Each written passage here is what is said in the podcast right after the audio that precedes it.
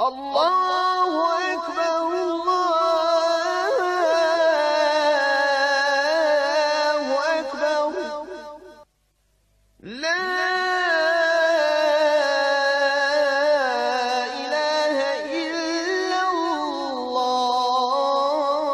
بسم الله والصلاة والسلام على رسول الله صلى الله عليه وسلم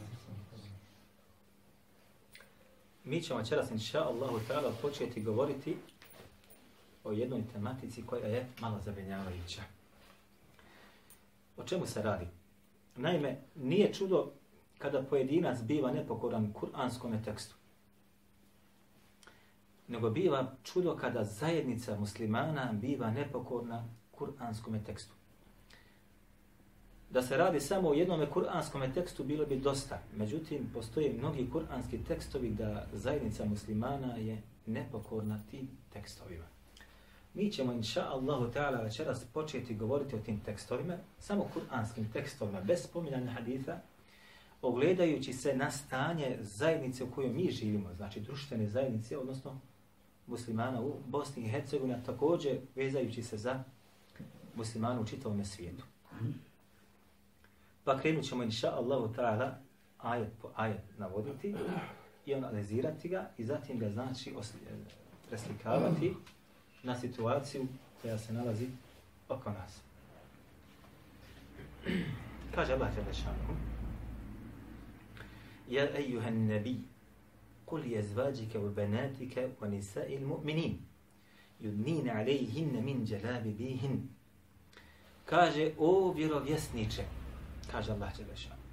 Reci svojim ženama, svojim kćerima i reci E, ženama vjernika da na sebe obuku i da se ogrnu sa džilbabima. Džilbab jeste poznata nošnja gdje žena znači je jedno, iz jednog dijela nošnja koja pokriva ženu od vrata do ispod peta. To se zove džilbabom. Kaže ovdje Allah Đelešanu, ovo je između ostaloga jedan dio navođenja tuma, prihvaćenog tumačenja džilbaba. Drugi govor džilbaba jeste pokrivanje čitavog ženskog tijela i mi nećemo sad u ovom meselu da ulazimo. Kad se kaže džilbab, da li je to znači pokrivanje čitavog ženskog tijela ili dijela, ili znači ovo smo sad naveli, nećemo u tu meselu ulaziti, o tome smo govorili. Nego šta? Znači naređuje se ovde vjerovjesniku da naredi svojim ženama, da naredi čerkama svojim i da naredi ženama vjernika da se tako obuku, da pokriju svoje tijelo, da se od njega ništa ne vidi ili da se vidi nešto, pa ćemo kasnije se malo do toga dotaknuti. Kaže na drugom mjestu Allah Đelešanu وَلَا يُبْدِينَ مِنْ زِينَتَهُنَّ إِلَّا مَا ظَهَرَ مِنْهَا I kaže neka žene muslimanke ne pokazuju od svojih tijela ništa drugo osim onoga što je od tog tijela spodašnje ne može se pokriti. I oko ovoga ajeta postoji razilaženje kod islamskih učenjaka. Da li se ovdje podrazumijeva čitavo tijelo ili se podrazumiva sve osim lica i šaka. I to su medvebi poznati i nećemo o tome govoriti. Rivajet od Abdullah ibn Suda kaže šta? Njena odjeca. Je ovo ilama vlahre minha, osim onoga što se ne može da pokrije. Kako god žena da se obuče, čita, da se pokrije, opet se ocrta od nešto od njezinog tira. Prepozna da je žensko. Kad zakorači, ocrta se nešto. A? Drugi rivajet, drugi mišljeni stav jeste ilama vlahre minha, jeste, kaže, lica i šaka. I mi u tomu nećemo ulaziti, bilo jedno, bilo drugo, nema problema. Ali se šta ovdje naređuje? Naređuje se muslimanki da se propisno pokrije i naređuje se ženama vjernika da propisno pokriju svoje supruge. Je tako? Situacija kakva je danas u našoj zemlji? U našoj sredini, kakva je? Oni koji šerijatski se pokrivaju od žena, jesu većina ili manjina? Manjina. I one su ispostavljene raznim napadajima od, razne, od strane medija ili društva ili zajednicu koje su oni nalazili žive. Je li tako? Nije tako.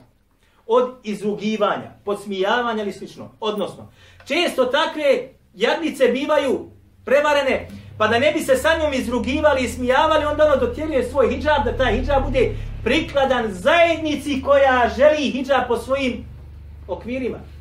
Jel tako li je tako? Ali sama ne shvatajući sebe baca gdje?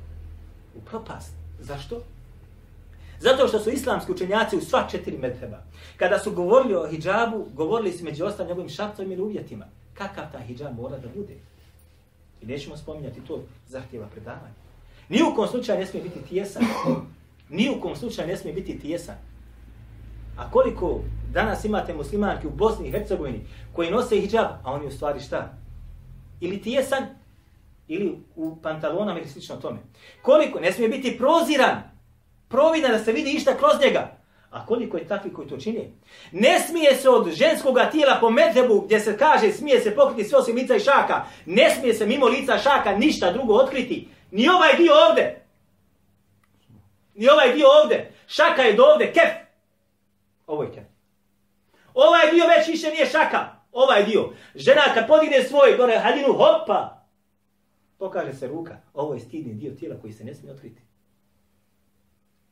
Koliko se to otkriva? Zamislite sad dođe, pokrila sve menjuše vire dole i ovaj dio vrata. I ona je šarijatski pokrivena i ona radi u nekoj instituciji.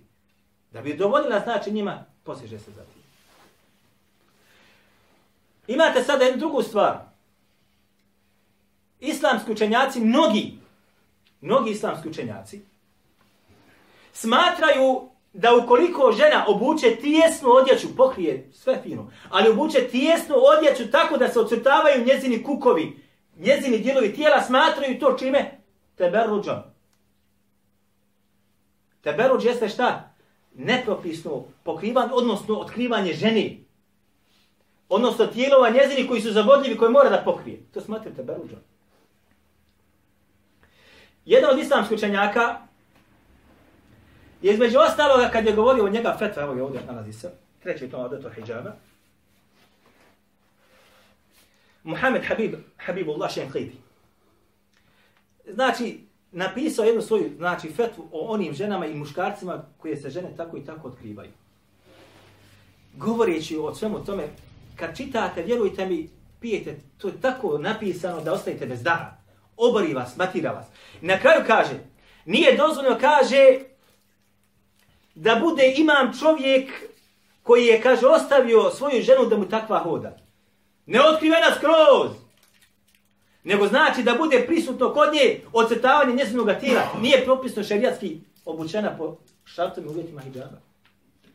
Niti se kaže od njega prima svjedočenje, niti će mu se kaže dati iz Bejtul Mala zekata, iako kaže njegovo stanje, onaj, otkriva da on potreban. Ne smijemo se dati ne smijemo dati, mihrabu se ne smije dati, ne smijemo se še, šehadet njegov se ne prihvat svjedočenje. Da kaže da je nešto bilo, ne prihvata se. A isto također šta? Ne prihvata se, odnosno nećemo se dati iz zekata, čak ako je toga potreba. Ja sam pre nas, braćo moja, sabrao, onaj, ušao sam u hanefijska djela u fiqhu. U hanefijska djela u fiqhu. U hanefijskom medhebu postoji razilaženje među hanefijskim pravnicima da li je obaveza pokrivanje čitavog ženskog tijela. I onaj koji zastupao to jeste između ostalog Jassas. U svome Ahkamu u Koranu trećem tomu, gdje on stavlja i kaže žena mlada ili stav. Odnosno on kaže ako mlada žena mora pokriti svoje čitavo tijelo. I nema, kaže, razlike između ostalog, kaže, nema razlike između kose mlade ili stare. Nema. Većina hanefijskih pravnika kaže da ona će pokriti čitao svoje tijelo osim lica i šaka. Međutim, kažu mnogi od njih, ali ako postoji mogućnost fesada u društvu ili zajednici, pokriva se u potpunosti, ne zbog toga što Merdeb tako kaže, nego zbog toga šta? Da se izbjegne nered i loša, onaj, e, loši ishod zbog situacije koje društvo vlada. I ovo je govor mnogih islamskih učenjaka, hanefijskog medreba, pitanje ovome. E, sada kad uzmete ovo, ja kad sam bio tom, onaj, sa tim, u obrazovanju nešto, ja znam za dvojicu koji, dvojica ljudi koji su uh, nastavnici vjeronauke, a čije su žene u potpunosti šta? Otkrivene. Naprotiv, jedan ili jedna osoba ženskoga, znači spola, je nastavnica vjeronauke, nije nikako pokrivena. Sad zamislite u kakvom mi haotičnom stanju živimo kada pustite društvo po strani, koje ne drži do islama toliko. Ali kad uđete u sfere onih koji biva, koji zadrže islama, vidite kako je to haotično stanje unutra. Nisu oni krivi. Nisu oni krivi. Nego je kriv taj sistem koji dozvolja ovakve stvari. Saša mi spričati jednu priču. O meni pričao doktor Ahmed, čeji Ahmed. Ja sam sa njim bio jako dobar u odnosima. Imam je bio džami gdje sam ja klanjao. I među ostalog, poštovali smo se i cijenili smo se. I kad je on pripremio magistarsku disertaciju da izađe pred komisiju, jedan posle na sanji razgovor kaže, alhamdulillah, kaže, nije mi u komisiji, kaže, odnosno, kaže, nije mi u komisiji, kaže, Usama Abdullah Ja kaže njemu, što? Ja znam ko je taj čovjek. Pa zbog čega, alhamdulillah? Kaže on, hej, ne znaš kada je šta je bilo. I on meni sad opisuje ime i prezme čovjeka koji je izašao na doktorskoj disertaciji odbrani. U čovjek komisiji bio Usama Abdullah jedan od doktora islamskih nauka na Džamijatu Azhar, Azhar univerzitetu, Dirasatul Islami u odseku za islamska izučavanja. I on je bio, znači, u komisijama postdiplomskim studijama. Kaže, došao je čovjek da odbrani svoju doktorsku disertaciju. I pozvao je rodbinu i prijatelje i napunila se prostorija ljudima. I sad svako ima svoj primjerak od komisije, ovaj ima i on primjerak oštampan svoj i sad znači počinje rasprava monakaša takozvana. I to u 99,9% uvijek prođe. Uvijek prođe i sa visokom ocenom i tako dalje. Međutim, prije nego što je uopšte počelo išta, kaže njemu sam Abdulazim, ovo je sada doktor buduće. Kaže, šta je tvoja oblast? Kaže, oblast moja je, kaže, šerijatsko pravo. Kaže, ti si došao da braniš, kaže, doktorsku disertaciju, kaže, jesam. Iz šerijatskog prava, kaže, jesam. Tematika takva i takva, jest. Ti si, kaže, došao da braniš šerijatsko pravo, a došao si bez bradi. Čovjek nije imao bradu, brijao se. Kao većina ljudi, danas, muslimana, učenih, Kaže, došao si da braniš Allahu vjeru i da budeš doktor šerijatskog prava, a došao si, kaže, pred nas i pred komisiju da ovu voliko znanje braniš bez brade, kaže, vrat se dakle, došao. Niko ništa. Vrat se dakle, došao. Vratio se dopešao, pustio da me brada izrasta, pa je ponovno došao brani disertaciju. I kaže ovaj, hvala Allahu, kaže, kad nisam pred njim. Ko je ovaj Usama Abdullazim? Zaposlen u Nazharu. Zaposlen u Nazharu. Ali njegove hudbe, kad bi držao, držao bi protiv zaposlenika u Azharu drugi. Dovio bi protiv Azharovih, oni koji vode Azhar. Dovio na hudbama, kad, džum, kad održi hudbu i kada dovi, dovi Allahum aleke bihim. I tako dalje. Jer je znao kome se radi, i znao gdje vode taj Azhar. Treću stvar, vezam za njega. I ne znam, eh, paste, paste. Ovo je knjiga Avdetul Hijabi, ovo kod mene. Povrata Hijabi. Ovo je treći tom. Knjiga ima tri toma. Svi su deblji od ovoga treći. Napisao je Don Mohamed Jesmin Muqaddam. Jedan egiptovski šehova, ja ga znam i upoznao sam i tako dalje. Živi u Aleksandriji, Skendarija, gore na sjevernom dijelu Egipta na sredozornom moru. Bra. On kaže ovako, kaže kada bi mi srce bilo u gafletu, obuzme me nema u životu i tako dalje, dunjalu, i vidim da griješim, Ja bi, kaže, upalio svoje auto i krenem, kaže, iz Aleksandrije, 350 km gotov, dođem u Kairo, samo, kaže, da vidim lice u Sami Abdullalima. I kaže, ja se vratim nazad. Njegova teravija, braćov, je bila, ja vam je ne mogu pisati, za Muhammedu Bejs je njegovih učenika, njegov kolega, Muhammedu Bejs je klanjao njegovu teraviju sa šest džuzeva, sedam džuzeva. A zadnja trećina noći, deset džuzeva. A u Sami Abdullalim, je mimo, mimo znači zadnje trećine noći klanjao koliko je stigao. I preko deset džuzeva. Eto o kome se radi.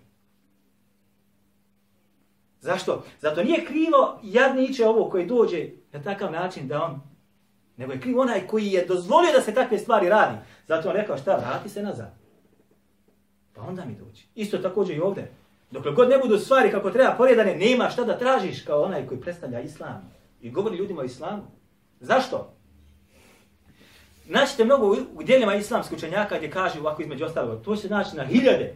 Kaže, faqidu šej la ju'tihi. Onaj koji nešto ne posjeduje, ne može dati. Onaj koji nešto ne posjeduje, ne može dati. Zamisli, ti sad mene podučavaš propisima vjere. A sam nisi od toga. Ili govoriš mi o hijabu, a tvoja porodica ne, ne praktikuje hijab. Kako da onaj ili ona privati od tebe ono što je potrebno? Propis šarijatski. Ako nisi od onih koji ga praktikuje, kako? Zato se kaže, faqidu ašejla joti. Onaj koji nešto ne posjedi, ne može drugome da da.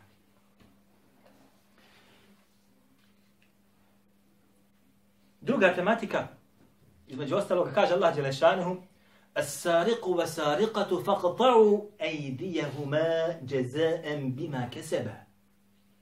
Kaže kradljivcu i kradljivci, ha? Kradljivcu muškarcu i ženi koja ukrade. Faqta'u aydijahuma. Osjetite im ruke. Jazaa'an bima kasaba. Kao kazna zbog onoga što su oni uradili, odnosno ukrali. Naravno, ovaj ajet je danas izbačen iz snage i ne dao ti Allah da neko praktikuje ovo sad. Jer ti ćeš da budeš linčovan. So, ovim ajetem se ismijavaju muslimani danas. Smatraju da je to zaostalost i tako dalje. Međutim, ovo je Allahov propis na Dunjaluku da se kraljicu i ženi i muškarcu, žena nije pošteđena ovoga. I ženi i muškarcu mora osjeći ruka ako bude šta? Ukrao i ukrala određenu vrijednost. Koja je ta vrijednost? Kako došli u vjerdostini vajetma, rekli smo, nećemo i navoditi i spominjati. Da je to šta? Četvrtina dinara. Četvrtina šobana. Četvrtina zlatnika. Mi kad smo radili u meselu, kad smo računali koliko je tu između ostaloga tada pretvarali, radi se između 30 i 40 eura. Za 30 do 40 eura sjeće se ruka kradljivcu. Zamislite danas šta bi trebalo da bude. Šta bi trebalo da bude? Ja ću navesti samo jedan, jedan mizeran primjer nečega. Čovjek koji zakasni 5 minuta na posao ili 5 minuta ranije krene sa njega pet minuta na posao zakasni, ili pet minuta ranije sa njega svaki dan. Događa li se ovo? Evo ga, ja znam da se događa. Ja sam bio u nekom sistemu. Zakasni, ne pet minuta. Znam jednog koji kasni svaki dan kasni. Svaki dan kasni. I svaki dan ranije možda kreće, ali za, za kašnje znam svaki dan. Jedan put jednu osobu koja je zaposlena u sistemu, vidim, hop, vrijeme do četiri, ono, uf, pet do četiri. Pš, Svaki dan po 5 minuta godišnje oštetiš državu za jednu platu. Eto, izaber, oko prilike za jednu platu ošteti državu. Za godinu dana jednu platu oštetiš. Da malo izračunamo. Ako se radi o 10 minuta, hajde, 10 minuta, imaš 22 radna dana, po 10, to je 220 minuta, to dođe 3, oko 3,5 sata. 3,5 sata mjesečno, je li tako? tri i po sata mjesečno se nabere. Osam radnih mjeseci u obrazovanju, a de, dvanest u, u, recimo, u zdravstvu i tako dalje, uzmi prosjek deset. Deset po 220, deset recimo pod oko 35-40 sati se nabere godišnje. To je oko nekih, možda, nekih njihova plata, otprilike njih možda 400 maraka. Je li tako otprilike? 40, za otprilike čet, 400 maraka mjes, godišnje. 10 godina po 400 maraka, 4000. 20 je 8, 30 je 12, 40 do penzije će ostati na tom radnom mjestu je 16.000 maraka. Za 40 godina suklo države 16.000 maraka. Nek si ukro 10.000, na ovaj način. Nek si 4. Nek si 1.000.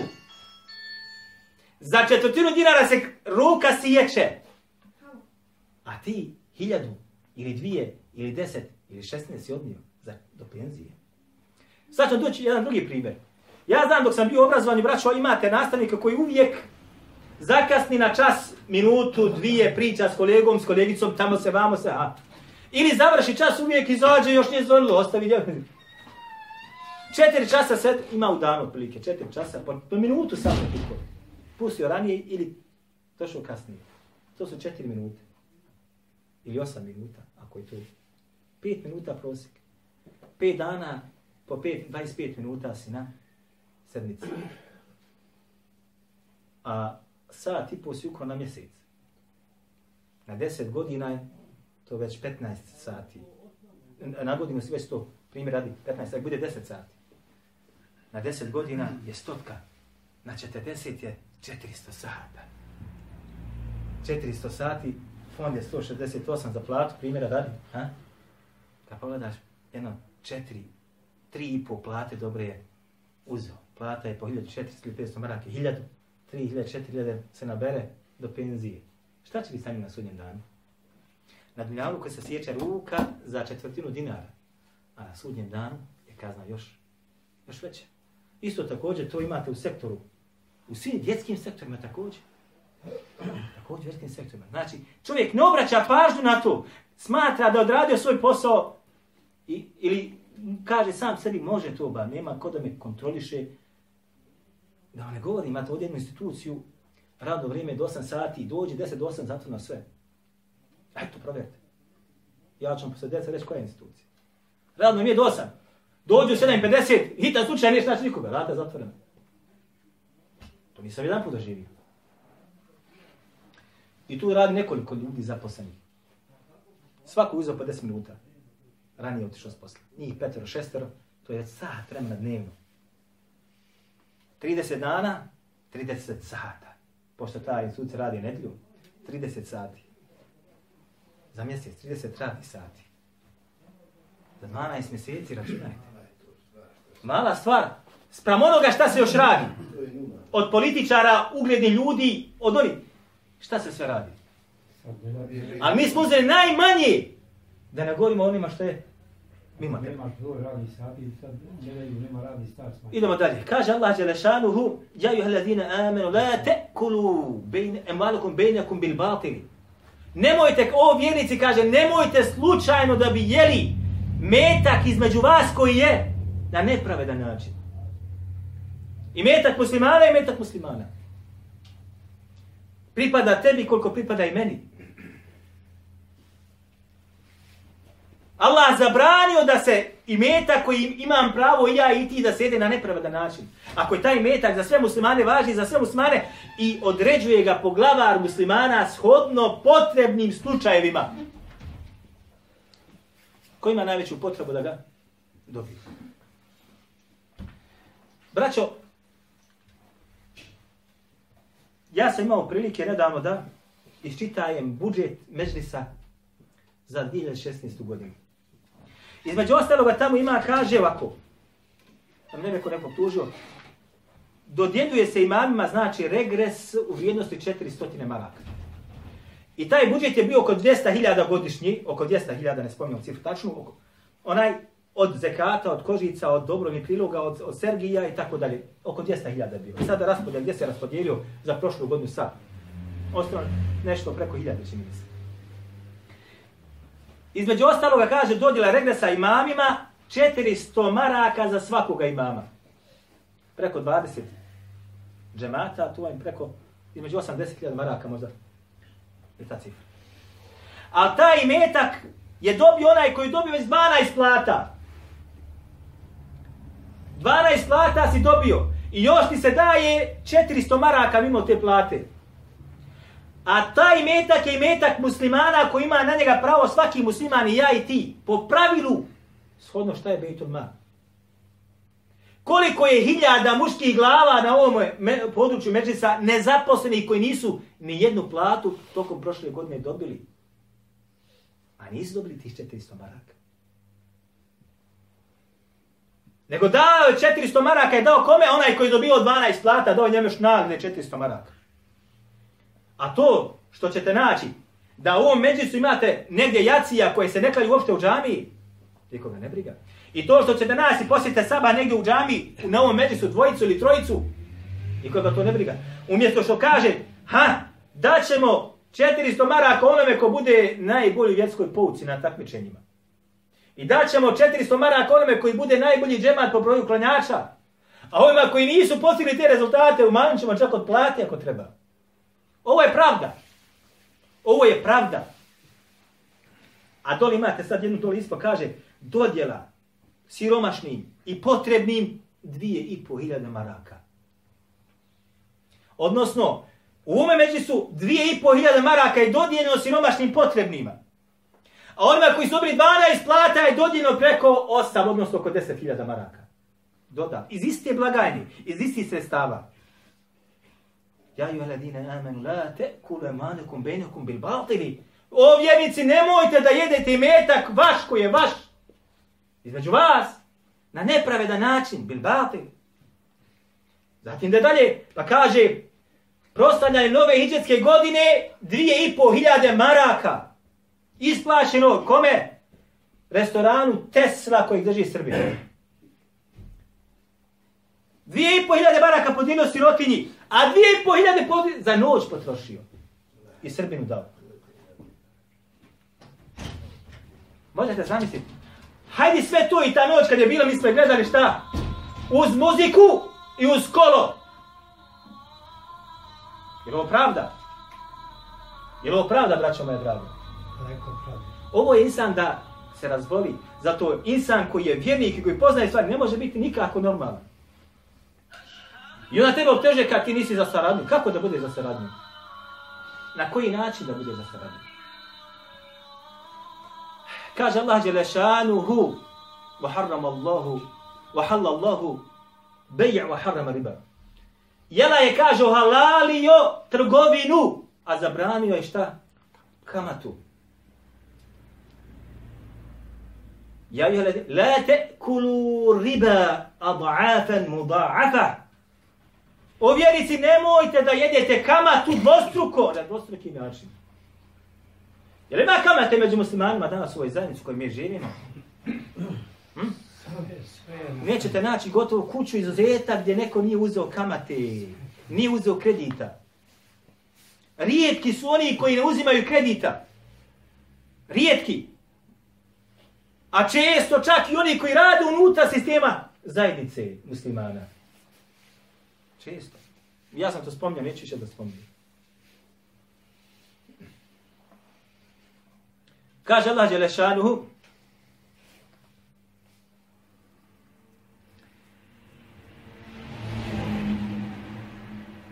Zabranjuje ima šta? Mejtete. Vademe. Vademe. وَلَحْمَ الْخِنْزِيرِ Zabranjuje šta? Ono što je uginulo. I krv, i svinsko meso. وَمَا وَهِلَّ بِهِ لِغَيْرِ اللَّهِ U drugom ajetu, وَمَا وَهِلَّ لِغَيْرِ اللَّهِ بِهِ I ono što je zaklato mimo Allaha Đelešanuhu. Kad pogledate sada malo, čime se muslimani danas hrani, ugovori meso, krv, svinsko meso, sve je znam za meso. Sve meso za meso. Znaš, meso je poseban propis. Nije ko kukuruz, niti ko voće, niti ko piće. Bez alkoholu. Može ti ga spremiti i Srbin, i Hrvat, i Murted, i svako ti može spremiti. Da ideš kolač ili da pojedeš srnicu. Ali meso da ti zakolje, posebni propisi važi. Ne smije se pojesti ono što je uginuto. Šta znači uginuto? ono što je umrlo na ubijeno ili umrlo na nešerijatski način. Ti moraš ubiti životinju. Da li je motkom i tako dalje. Da li je dodno da jedeš? Jok. Isto takođe, evo se doka. Kad ste kupili teleću glavu, šta ste našli na njoj? Rupu na telećoj glavi kad ste skuhali, Ha? Je tako? Kad su počeli da jedu oprupa, na telećoj glavi rupa. Kupili od čovjeka koji je rekao šta? Mesar, da on klanja pet vakate, da on kolje, ko što Suleman kolje. Sve kako treba ako bila. Međutim, šta? Tele puknu maculom u glavu. Tele. Od tri mjeseca. Šta misli tek šta rade sa bikovima? I dobiju certifikat halal. Zato Nikakav problem po pitanju certifikata nije. Zašto? Zato što u ovoj zemlji se praktika hanefijski medheb u fiqhu i praktika se maturidijska fiqh u akidi. Šta znači to? Po pitanju maturidijske akide kaže, kaže ima se sastoji šta? Kod njih šta? Dijela ne ulaze kod maturidija u sastavni dio imana. Ne moraš nikad klanjati, samo izreci šehadet. Za kolji šta hoćeš mi jednem od tebe. Ne moraš nikad klanjati. Možeš da radiš grijehe sve, samo kufra da ne počiniš. Mi za tebe jedemo tvoje meso. Znate za to, znate za to. U fiqhu između ostalog šta kažu? Onaj koji ne klanja nikada, također, ako zakolje nešto, mi jedemo, jedemo. Ne mora nikad klanja. Jer on je šahadet, on je naš. Pije, pije, kurva se, kurva se. Krade, krade. On je naš, musliman. Ne klanja nikad, ne klanja nikad, nema problema. Takav ako zakolje, jede se njom meso, jede. Zato certifikat koji dobiješ nije nikakav problem. Jesi ti musliman, proći na fatiju, proći fatiju, ti si musliman. Jesi klanio ikada? Nisam nikada, nema veze. Boj se Allaha, klanja, znaš, to je grije i tako dalje, ali ti si musliman, kad budeš klanio, mislim klanja nazu. I sakupno što više sve da dođe. E, znači, takav certifikat se na takav način, ovo samo malo da bolje shvatite, dobije se. I dolaze ljudi sada u raznim restoranima koji imaju halal certifikat, jedu i uglednici iz zajednice i tako dalje, nikakve pažnje ne obraćaju na to. Dok je došlo jasnim hadisima, šta da ih ne spominjemo, jer nećemo hadisa spominjati, da nema imana onaj koji nema šta namaza. Nema. To je Omer rekao kad smo govorili sada prije samoga predavanja. Izboden na sabahu, bio u komi, budi se i kaže la salate, la, la, la, la, la, la islam ili la hadza fil islam men la yusalli. Nema mjesta u islamu onaj koji ne klanja. U drugom rad, nema islama onaj koji ne klanja. Izboden čovjek. I klanja, a ti, ja, u gotivi, nisi nikad klanjao.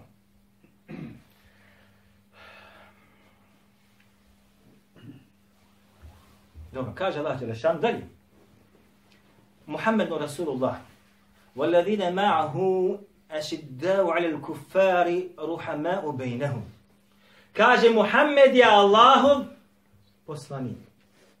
I oni koji su sa njim od ashaba, i oni koji su uzeli sebi za vođu poslanika i na onoga na koji se ugleda, Ešidda'u alel kufari, oni su prema nevjernicima šta? Žestoki. Ruhama'u bejnehum. A između sebe su puni milosti. Između sebe koga? Muslimana. Kada ovaj sada ajet prebacite na stvarnost u kojoj mi živimo u ovoj zemlji, naćete da je suprotnost očita. Očita suprotnost. Nas proglašava zajednica smo šta? Para džemati. Da tako li je tako? I prema nama znači šta na kolac ovako se postavilo. Ili ovako ili nikako. Dočim, kad dolazi neko u posjetu sa druge vjere, ili politike koje nije musliman, otvore. A gdje je to ti čik ti bilo za govori sastanak negdje u najmanjem reonu zajednice? Neće ti se vrata otvoriti. Meni se ne otvaraju. A kamo da se otvori nekome drugom? Doći za druge može se sarađivati, može se razgovarati, pregovarati, tražiti rješenje. Sa tomu kao bratom mu se manu. Jok, zašto? Zato što nisi podoban. Braćo moja draga, nema ni jednog lažnog hadisa, jednog lažnog hadisa, eto, lažnog, da je Allah poslanik alihi salatu wasalam viđen bez brade. Ili da je nekada Allah poslanik sam obrio sebi bradu. Lažni hadis. Niti ima jedan lažni hadis da je neko od ashaba viđen bez brade ili obrio sebi bradu. Lažni hadisa nema. A kamo li vjerodostani? I opet šta govori tebi? Ti si u dalaletu, a ja sam kako treba. Ti ko imaš to, ti si u dalaletu, ti si, to reče, ti nas plašiš, ti nas strašiš ovdje. A ja koji to činim, a ja sam kako treba. Ja sam kako treba. Mutevatiri vajeti, došli mi smo o tom govorili. Kako navodi imam sojuti u svome delu mutevatiri vajetima i kako navodi kitani u svome delu mutevatiri vajetima, da je dizanje ruku u namazu mutevatiri. Doćim, šta? U ovome društvu kojim mi živimo, šta? To se smatra činom razdira zajednice. Zato nećeš nikada, ja ne mogu nikada u ovoj među su naše, ne mogu dobiti da klanjam nekada i jedan namaz u džematu da predvodim ljude ako nema ni hođa ni mojezina. Nigdje. Ako dođem negdje u džamiju, nije došao na, na, na namaz, niti hođa ni mojezin, ja ne mogu predvoditi ljude namaz. Zašto? Zato što nisam kako treba. Jer odstupam od onoga što je skovano. A ne od onoga svim je poslanik sallallahu alaihi wa sallam došao.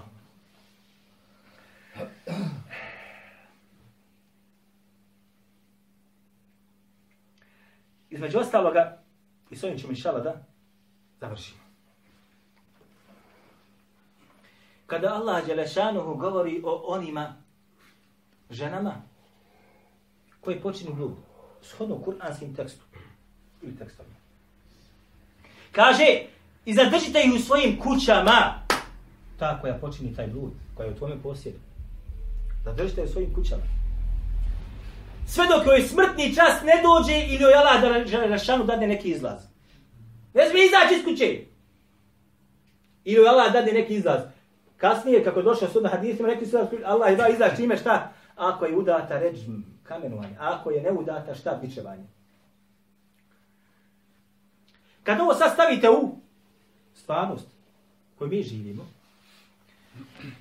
danas ljudi imaju, gledaju svoje supruge muslimani kako sa drugim muškarcima to čine. I znaju za to. Ono što je u njegovi posjedu od, od njegova supruga ili čeri, znaju za to. Jesu šta postigli? Ja se sjećam Ovi maočani stariji to dobro znaju. Meho Imamović, ko je bio? Je li bio mezin kakav Meho Imamović? Hm? Jes? Ja bio mezin, ja. Jes bio? Je li bio glavni u odboru? Nesto je bio u glavnom. On je bio ovde. Zakarin, da. E, tako je. Bio je god. Je li bio, Hadžija? Je li bio dobar? On je čovjek. Ja znam za jedan slučaj, meni mati prišala, kaže, našao je jednu kada je to radila i kad je ufatio, kaže, dotreo, dotreo je kore, kaže, pred džamiju, ha? I kaže, nije on dirao, nego kaže, ufatio, drži za motku i kaže, tako je doveo pred džamiju. I motkom je, kaže, pred džamiju, tu kao. Ha? Teralija bio. Ajmo, teralija bio. Tada je bilo tako. A danas, evo i zaista na ulicu, pa svi kako se oblače. Dočim, po pitanju tvoje supure, tvoje kćeri, za njima se ismijavaju. Zato što je nakaradno obučena, kako kažu. Nastavit ćemo, inša Allah, s ovim ajetom, i pa idem na našem sljedećem druženju. Ja kudu kavli hada, wa estalu firullahe, li barakum. Allahu ekber, Allahu ekber,